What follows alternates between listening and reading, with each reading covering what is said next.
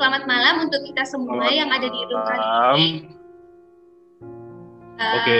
Kami kami dari PRMKSV di bidang humas mengadakan podcast pada malam hari ini dan kami mengundang narasumber kami yaitu Kak Felix.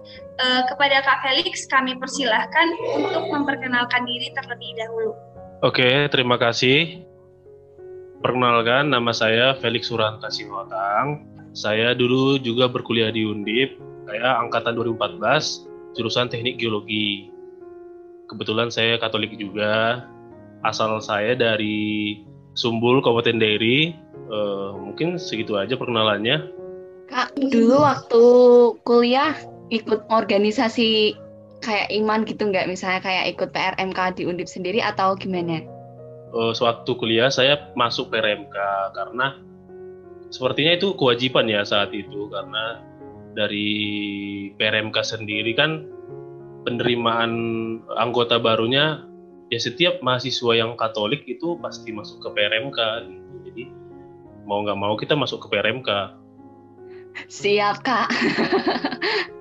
Ini Kak mau nanya juga, Eh, kan kali ini kan tema podcast kita ini kan eh, pendalaman iman. Nah, jadi menurut Kakak tuh pendalaman iman Oke. itu seperti apa? Gitu. Sebelum kita ke sana kan kita harus mengerti dulu pengertian dari iman itu kan. Jadi saya udah coba-coba baca lah. Itu artinya kepercayaan yang berkenaan dengan agama. Nah, jadi menurut saya itu untuk bisa apa namanya mendalami iman, setiap orang itu masing-masing harus mengalaminya sendiri. Itu menurut saya yang yang paling tepat Nah, ini tadi kan Kakak udah jelasin nih eh, pengertian iman gitu ya kan. Jadi eh, ini pengalaman Kakak di pendalaman iman kali ini apa? Dalam kehidupan Kakak sehari-hari atau bagaimana Kak? Eh, untuk mendalami iman itu kita perlu namanya rekoleksi. Nah, oke, kita buka sedikit ya. Jadi dulu itu saya sempat bersekolah di seminari. Dulu saya sempat calon pastor gitulah, cuman gagal gitu. Nah, di seminari itu kita diajari namanya rekoleksi, refleksi pribadi. Jadi kita eh, diberikan waktu untuk mempertanyakan lah, mempertanyakan dalam artian apa yang terjadi dalam hidup kita, bagaimana Tuhan itu eh, bekerja di hidup kita gitu. Nah, melalui pertanyaan-pertanyaan itulah kita mampu eh, memperdalam iman kita gitu, lewat apa yang terjadi di hidup kita sehari-hari. gitu. Kalau boleh tahu, Kak, dulu menempuh pendidikannya di mana ya, Kak? Di seminari mana gitu? Nama seminarinya Seminari Kristus Sacerdos Pematang Siantar. Mungkin eh, Agnes pasti tahu Siantar itu di mana. Kalau di Iya, Jawa mungkin Mortoyudan ya. Di Mortoyudan itu dia nomor satu se Indonesia. Nah, eh, seminarinya saya itu yang nomor dua tertua di Indonesia. Jauh ya, Kak, jaraknya. Jarak usia kita. Ini aku mau nanya kan kak, Eh, tadi kan kakak cerita tuh kakak pernah eh, ini ikut seminari. Jadi dalam kehidupan sehari-hari juga kita ketahui Oke. kalau kita ada lika-likunya. Nah, jadi eh, kakak bisa cerita sedikit nggak lika-liku yang Ah. kakak alami dalam mengikuti seminari? Oke, dari awal kalau gitu ya. Jadi dulu saya itu nggak pengen masuk seminari, sama sekali nggak mau. Cuman karena orang tua saya bisa dikatakan menuntut lah kan, harus masuk seminari gitu. Kalau nggak nggak usah sekolah gitu. Jadi ya anak SMP dikasih pilihan masuk seminari atau nggak sekolah ya milih sekolah kan masuk seminari. Cuman karena dilatih saat itu meditasi, terus refleksi, rekoleksi, ikut retret segala macamnya. Jadi saya coba apa namanya ya, coba sering merenung gitu tentang apa sih yang Tuhan mau gitu, apa sih yang Tuhan rencanakan dalam hidupku gitu. Melalui pertanyaan-pertanyaan itulah saya mencoba menda- mendalami iman saya gitu, memperdalam kepercayaan saya terhadap eh, kerja Tuhan itu dalam hidupku gitu. Masuknya dari kelas 0 itu ya, Kak ya? Berarti Heeh. oh, oke oke. Nah, itu Kakak iya memutuskan nol. memutuskan itu tuh keluar sendiri atau emang belum jatahnya gitu kak belum Dikeluarkan. rencana oh dikeluarkan Enggak, enggak, enggak. Saya dulu minta keluar, saya dulu tarik diri. oh minta keluar kenapa kak kok minta keluar boleh tahu alasannya Nah, jadi menarik sebenarnya. Jadi waktu saya dulu minta keluar gitu kan di tahun ketiga kalau nggak salah, mau naik tahun keempat, itu ada dua orang pastor yang eh, bisa dibilang memanggil saya ke ruangannya kan. Terus masih ingat saya eh, omongan pastornya kayak gini, "Eh, kamu kenapa keluar gitu? Jujur saya pengen kamu yang jadi pastor gitu kan. Terus saya bingung, eh kenapa pastor gitu? Apa yang emang pastor lihat gitu kan? Kenapa kenapa pastor pengen saya yang jadi pastor? Terus iya karena menurut saya kamu cocok jadi pastor. Terus saya bilang, pastor, saya mau jujur, nggak ada keinginan gitu dari awal tuh untuk masuk seminari atau bahkan jadi pastor. Saya nggak ada keinginan sama sekali.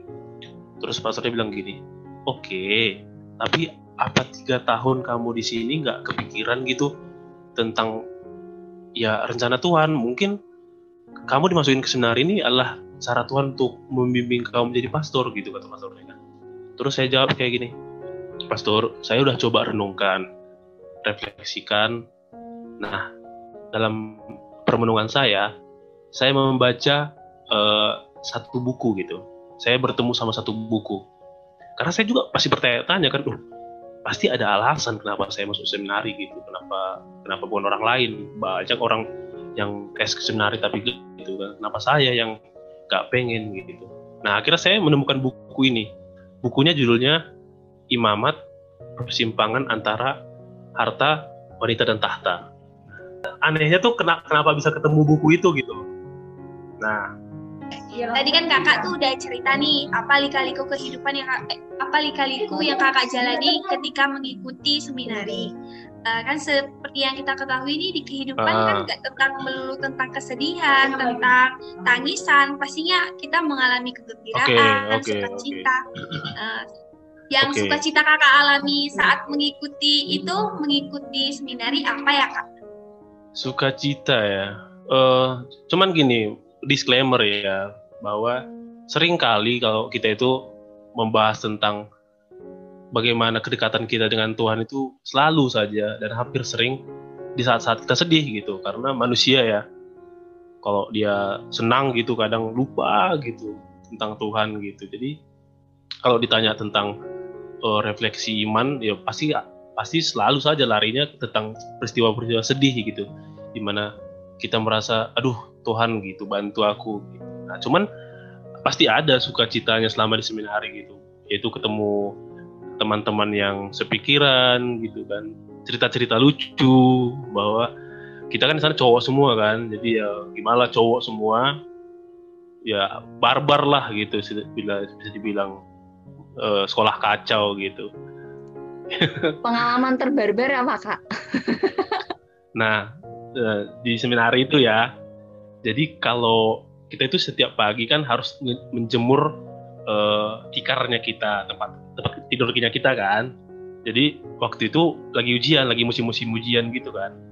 Nah tiba-tiba hujan turun tuh, hujan turun, semua kita lari, lari ambil tikarnya, kita tinggalin gurunya, padahal lagi ujian.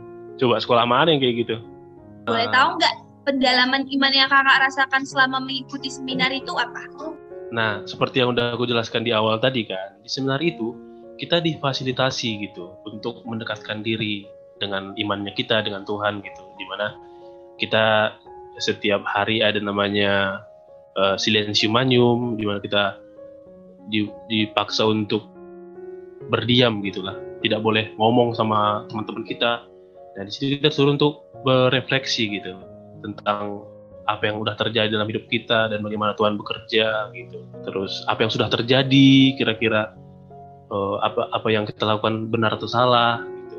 Ada retret juga, ada meditasi juga setiap minggu. Kegiatan-kegiatan itulah yang membuat kita semakin mengerti gitu, semakin bisa eh, mendalami memperdalam iman kita terhadap terhadap Tuhan gitu. Contoh misalnya, misalnya nih hari ini misalnya aku ketemu pengemis misalnya. Bisa jadi kan ya ketemu pengemis udah hari berlalu nggak nggak nggak ada apa-apa gitu. Tapi coba coba kita satu hari itu ada memberikan waktu untuk uh, merenung gitu merefleksi oh tadi kita ingat oh kita ada ketemu pengemis. Pengemisnya kayak gini kayak gini kayak gini misalnya.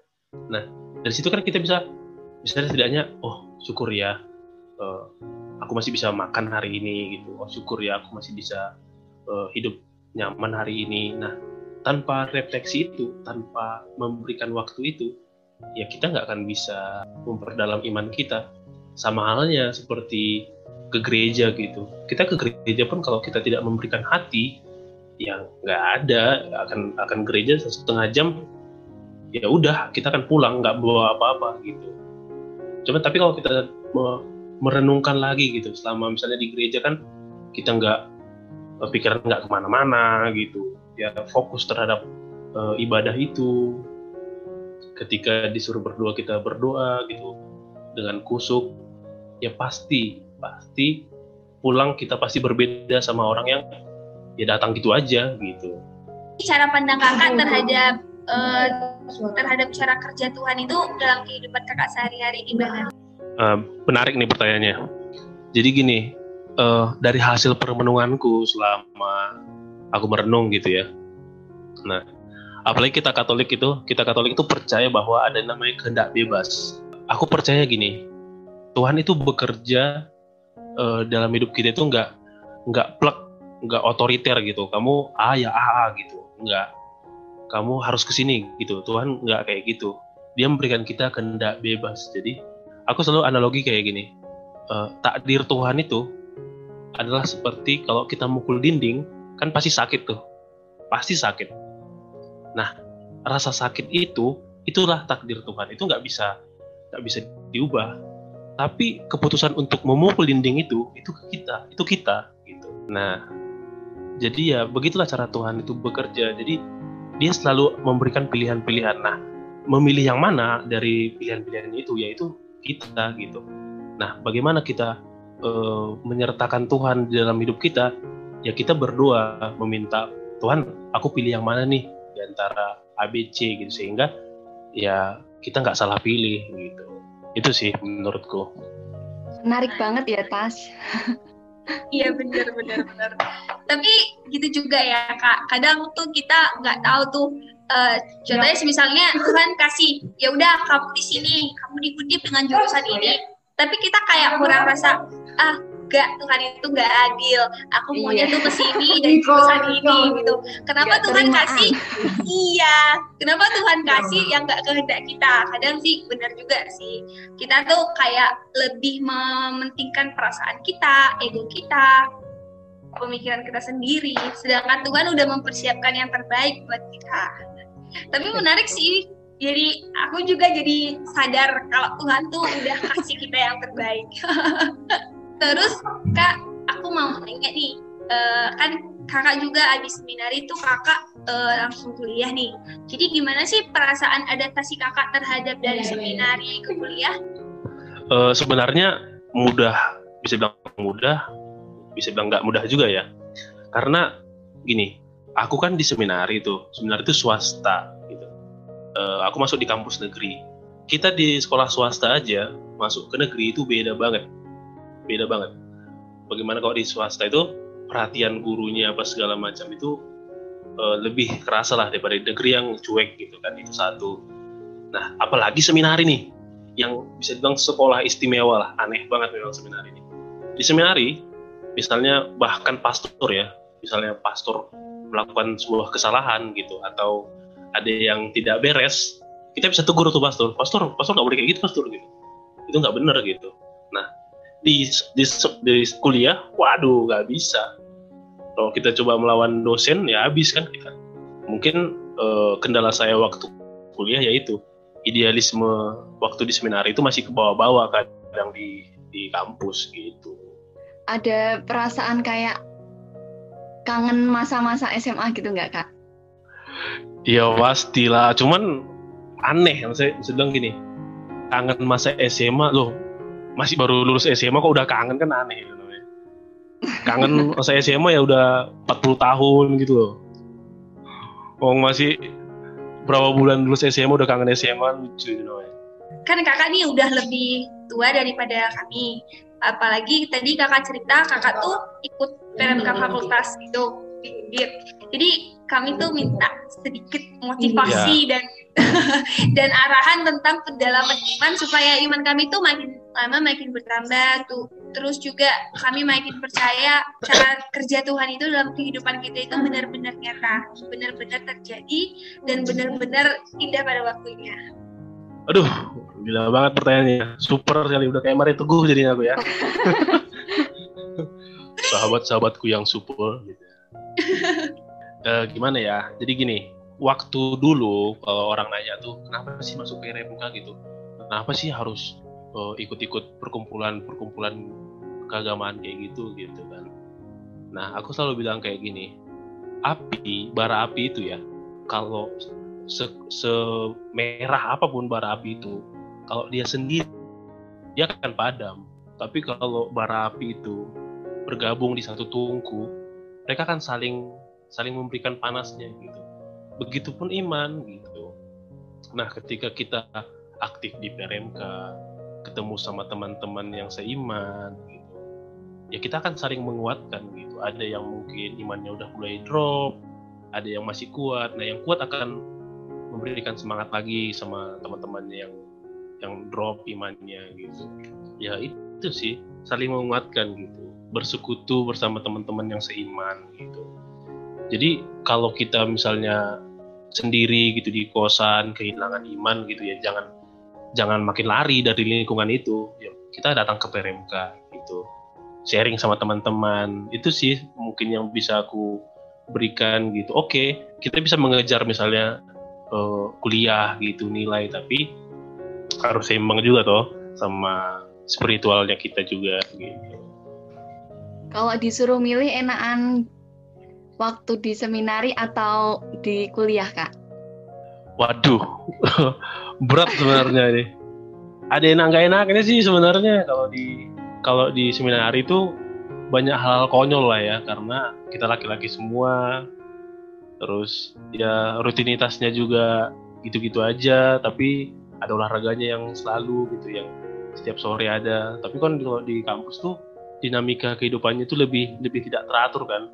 Sore ini bisa olahraga sorenya udah tidur gitu kan sorenya bisa tah ke mana lagi ya sangat-sangat inilah tidak teratur lah waktu di kampus itu cuman ya temannya lebih banyak gitu di seminari kan cuma dua orang kalau di kampus kan lebih banyak lagi. Oh semua juga ya kak ya? Di mana? Oh, kan ada cewek-ceweknya gitu ya kak. Oh iya, itu juga. Tapi di teknik lah, cewek-ceweknya jarang lah. Tapi mungkin kuliah yang nggak enaknya tuh tugas ya kak ya. Tergantung sih sebenarnya. Yang nggak enak itu, oh menurutku ya, yang nggak enak itu di kuliah itu karena seperti yang uh, kalian bilang tadi, kita kalau aku ya aku pribadi ya aku tuh masih masih belum terima gitu kok aku masuk di undip gitu jadi menjalani kegiatan kuliahnya tuh kayak setengah hati gitu aduh kok aku di sini sih gitu tapi kalau kita pikir-pikir ya kalau kita memang ngasih hati di situ kayaknya enggak deh. Bakal enak juga kuliah itu. Kayaknya tadi gimana cara kita meningkatkan iman kita terhadap Tuhan gitu ya? Iya benar-benar kak. Menurutku sih refleksi itu yang paling tepat sih refleksi. Jadi selalu selalu sediakan waktu dalam satu hari itu untuk untuk bertanya gitu. Misalnya kita terjadi hari ini apa? gitu kan. Nah terus kita tanyakan sama Tuhan tuh Tuhan apa apa yang kulakukan hari ini udah tepat ya gitu. Atau misalnya nih misal kita berantem sama teman kita hari ini gitu kan. Nah ketika kita menjadikan waktu refleksi itu kita pasti nemukan jawaban bahwa oh tadi aku kayaknya nggak boleh ngomong kayak gini. Atau oh iya nih aku ada salahnya juga gitu. Dan menurutku ketika kita sering melakukan itu otomatis iman kita akan semakin bertambah gitu terhadap apa yang apa namanya apa yang Tuhan kerjakan dalam hidup kita gitu. Karena kalau kita sendiri yang menentukan gitu yang milih ini melakukan ini tanpa adanya refleksi ya sama aja bohong gitu. Itu sih kita butuh tuntunan Tuhan gitu lah. Jadi cara untuk mendalami iman itu ya harus refleksi harus refleksi gitu.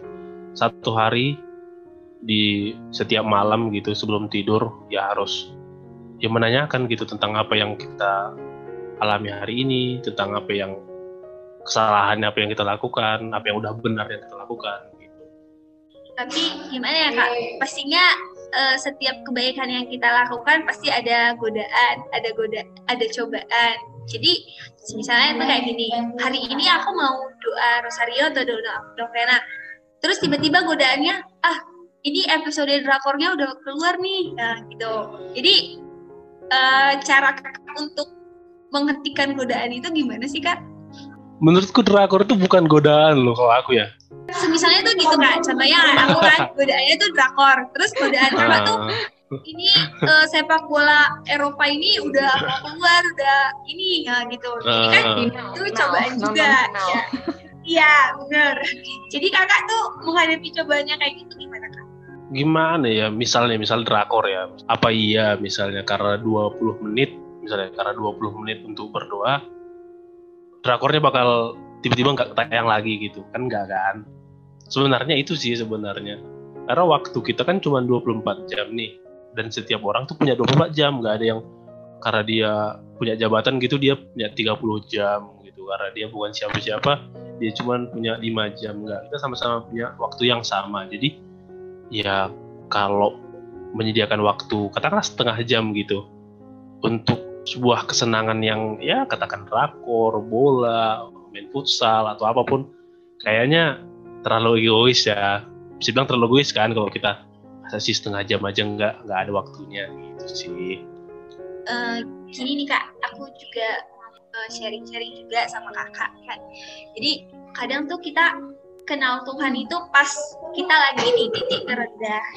Ya kan? Contohnya kayak yeah, yeah. kayak misalnya nih pengalamanku tuh uh, dulu waktu main SNMPTN tuh aku nggak ikut nggak ikut uh, SNMPTN sih aku tuh mikir kenapa sih Tuhan ini nggak adil dengan nilai gue yang begini? Tuhan tuh kenapa sih nggak kasih aku kesempatan aku mengikuti SNMPTN terus Tuhan tuh nggak adil. Kenapa temanku yang nilai segini tuh bisa sedangkan aku tuh yang segini nggak bisa gitu kak terus uh, kadang kan kita kayak nyalahin Tuhan tuh Tuhan tuh memang nggak adil. Tuhan tuh nggak kasih kita nggak kasih kita kebahagiaan gitu. Jadi kadang kita tuh kayak merasa berdosa eh kita tuh kayak merasa kita yang paling benar gitu. Terus akhirnya kita udah menyadari kalau kesal itu adalah kesalahan yang paling fatal yang kita lakukan. Terus untuk kita mau bertobat nih sama Tuhan pastinya kan kita udah nggak mau lagi. Pastinya kita jadi malu. Kayak aku sendiri kan kan uh, aku jadi malu gitu kayak mau berdoa sama Tuhan. Aku udah berdosa sama Tuhan. Kenapa aku menyangkal Tuhan dengan begitu jahatnya gitu? Jadi ketika aku udah berpikiran seperti itu aku tuh jadi nggak mau berdoa sama sekali kak. Kayak ah aku udah udah berdosa sama Tuhan gitu. Jadi kalau kakak sendiri tuh kakak pernah nggak ngalamin titik terendah terus kakak tuh jadi ngejauhin Tuhan terus cara kakak itu balik lagi sama Tuhan tuh bagaimana kak? Kalau kita di titik terendah gitu tapi malah menjauh dari Tuhan itu aneh sih menurutku karena gini loh uh, masa depan itu kan nggak pasti gitu. Apakah misalnya misalnya, apakah kalau kamu tadi dikasih kesempatan SNMPTN gitu, apa kamu bisa lebih bahagia dari hari ini? Belum tentu kan, bisa iya, bisa enggak gitu. menurutku, kalian pernah dengar kata-kata Gading Martin nggak sih? Waktu dia ditanya siapa gitu kan di sebuah uh, YouTube uh, channel YouTube siapa gitu aku lupa. Terus dia bilang bahagia itu bukan besok gitu, bukan kemarin, tapi bahagia itu hari ini gitu. Jadi yang menentukan kau bahagia itu ya hari inimu gitu, bukan apa yang sudah terjadi di masa lampau, apa yang kau sesali di masa lampau atau apa yang belum terjadi gitu, tapi hari ini. Nah, sama halnya sama uh, titik terendah yang kamu bilang tadi bahwa kamu tuh uh, Tuhan itu nggak adil, kamu nggak dikasih kesempatan untuk SNPT, uh, eh, SNMPTN gitu kan ya bukan bukan nanti dalam artian uh, kamu yang membuat itu menjadi titik terendahmu gitu. Bukan karena Tuhan gitu. Kamu yang milih kamu bersedih akan itu karena seperti yang aku bilang tadi kalau kamu nih dikasih kesempatan untuk uh, masuk undangan itu gitu apa kamu bakal lebih senang gitu dari yang sekarang? Belum tentu gitu. Jadi ya udah pilihlah bahagia karena apa yang terjadi di hidupmu hari ini gitu. Itu sih dari yang bisa aku bilang gitu. Dan ketika kamu berada di titik terendah aneh kalau kamu menjauh dari Tuhan gitu. Jangan malah kita kita harus lebih dekat lagi sama Tuhan gitu. Kayak aku dulu ya titik terendahku bisa dibilang yang paling paling paling itu waktu semester berapa ya. Pokoknya di situ kuliahku berantakan terus uh, ada masalah keluarga juga terus aku baru putus juga sama pacarku saat itu gitu. Waduh kacau lah kacau. Pokoknya kacau benar lah saat itu. Tapi gini entah kenapa karena aku membiasakan refleksi tadi aku sediain tuh. Setiap malam tuh aku bertanya kan Tuhan apa? Iya aku aku salah nih gitu. Aku salah. Tapi gimana sih sarannya biar aku bisa melalui ini semua gitu. Dan puji Tuhan satu-satu satu persatu masalah itu terselesaikan gitu contoh misalnya di masalah kuliah saat itu ya. Saat itu aku sama ada beberapa temanku itu nggak boleh ikut pemetaan namanya. Nah kalau nggak pemetaan kita nggak boleh KP kalau nggak KP kita nggak boleh tugas akhir nggak boleh skripsian. Kita nggak boleh KKN nah masalahnya kalau aku nggak pemetaan tahun ini aku harus pemetaan tahun depan. Artinya aku harus ngulang setahun dong. Wah stres banget lah aku ulang setahun gimana ceritanya itu kan. Nah karena itulah aku berdoa gitu kan aku uh, satu aku rosario gitu novena gitu kan. Aku mohon uh, petunjuk Tuhan gitu. Anehnya anehnya pemetaan itu dipercepat gitu loh satu semester. Itu aneh banget. Pasti itu aneh banget sama aku. Tapi itu terjadi gitu. Nggak aku jadi nggak ngulang satu tahun tapi aku cuma satu semester, satu semester doang gitu. Dan menurut itu mujizat buat aku saat itu gitu. nah di situlah letaknya kalau kita beriman sama yang nggak beriman. Kalau kita beriman ya kita pasti lari ke Tuhan kan. Dalam artian apa yang terjadi saat itu ya karena Tuhan gitu. Oh diundurnya apa dipercepatnya pemetaan itu ya karena Tuhan gitu. Tapi kalau orang yang nggak beriman ah mungkin karena kurikulum yang ganti kali ah karena rektornya lagi senang kali. Jadi dia punya pembelaan yang yang tidak menuju Tuhan gitu yang tidak berbau-bau ketuhanan gitu. Tapi aku percaya sebagai orang yang beriman itu karena kuasa Tuhan gitu bukan karena apa-apa gitu. Itu sih. Semua karena rencana Tuhan ya kak ya? Iya dong. Uh, ini nih kak gak terasa ya kan? Kita udah lama nih berbincang sama kakak. Uh, kami tuh udah terinspirasi dari kakak sedikit banyaknya. Jadi kami tuh tahu iya bagus tuh kakak tuh jadi ini jadi uh, kasih motivasi buat nah, kami tuh supaya tetap mengikuti pendalaman iman semakin takut akan Tuhan, terus juga semakin dekat dengan Tuhan. Ya, kami juga berterima kasih buat kakak tuh. Apalagi tuh kami uh, di semester-semester kali ini kan uh, udah agak sedikit sedikit uh, geleger lah. Uh, karena tugas kuliahnya, yang karena Iya, menjalani perkuliahannya secara virtual. Nah, makasih banget buat kakak tuh udah kasih motivasi biar kami tuh makin teguh akan Tuhan, teguh akan iman kami sendiri, teguh dengan agama kita sendiri. Dari aku mungkin kalau dari kakak sendiri ada pesan pesan-pesan untuk kita supaya atau kata-kata sedikit dari kakak yang memotivasi kita untuk lebih dekat dengan Tuhan. Kira-kira punya nggak kak? Atau ada quotes gitu buat kita kita gitu kak? Ini agak agak filosofis gitu ya agak filsafat gitu. Nah tahu Karl Marx enggak nah tahu, dia kak. nah dia ini bisa dibilang uh, filsuf gitu dan dia ateis. Nah dia pernah bilang kayak gini Tuhan itu adalah wujud dari ketidakberdayaannya manusia jadi aku membalik kata-katanya si Karl Marx ini gitu. Bahwa memang tak ada manusia yang berdaya gitu. Nggak ada manusia yang yang punya yang punya daya yang benar-benar kuat gitu. Jadi ya Tuhan itu ada berkat penyangkalan itu. Jadi kita pun sebagai manusia harusnya ya apa ya sadar bahwa kita itu tidak berdaya gitu. Kita butuh Tuhan untuk menjalani hidup kita yang ya serba serba tidak terprediksi lah apa yang akan terjadi di depan apa yang akan kita alami. Kita nggak tahu. Banyak hal yang akan kita kita lalui gitu. Baik itu naik turun sedih bahagia gitu. Dan di, di saat-saat itu kita pasti butuh Tuhan gitu. nggak ada nggak ada itu. Saya orang sehebat apa pun kalau dia apa namanya tanpa mengandalkan Tuhan itu ya nggak ada gitu itu sih jadi kita harus selalu mengandalkan Tuhan dalam dalam hidup kita itu aja sih. Oke nih kak, kami mengucapkan terima kasih sekali lagi yang sebanyak-banyaknya kakak udah berkenan hadir, kakak udah kasih kesempatan waktu, menyisihkan waktu buat malam hari ini untuk menghadiri podcast kali ini. Berterima kasih banyak buat kakak. Semoga Makasih, apa yang udah yang udah terima kasih kakak juga. kasih tahu bisa menjadi pendalaman iman buat kami. Makasih banyak Amin, kak. amin. Ya, sama-sama. Tuhan Yesus memberkati ya, Kak. Yuk. Oke kak. Sehat selalu.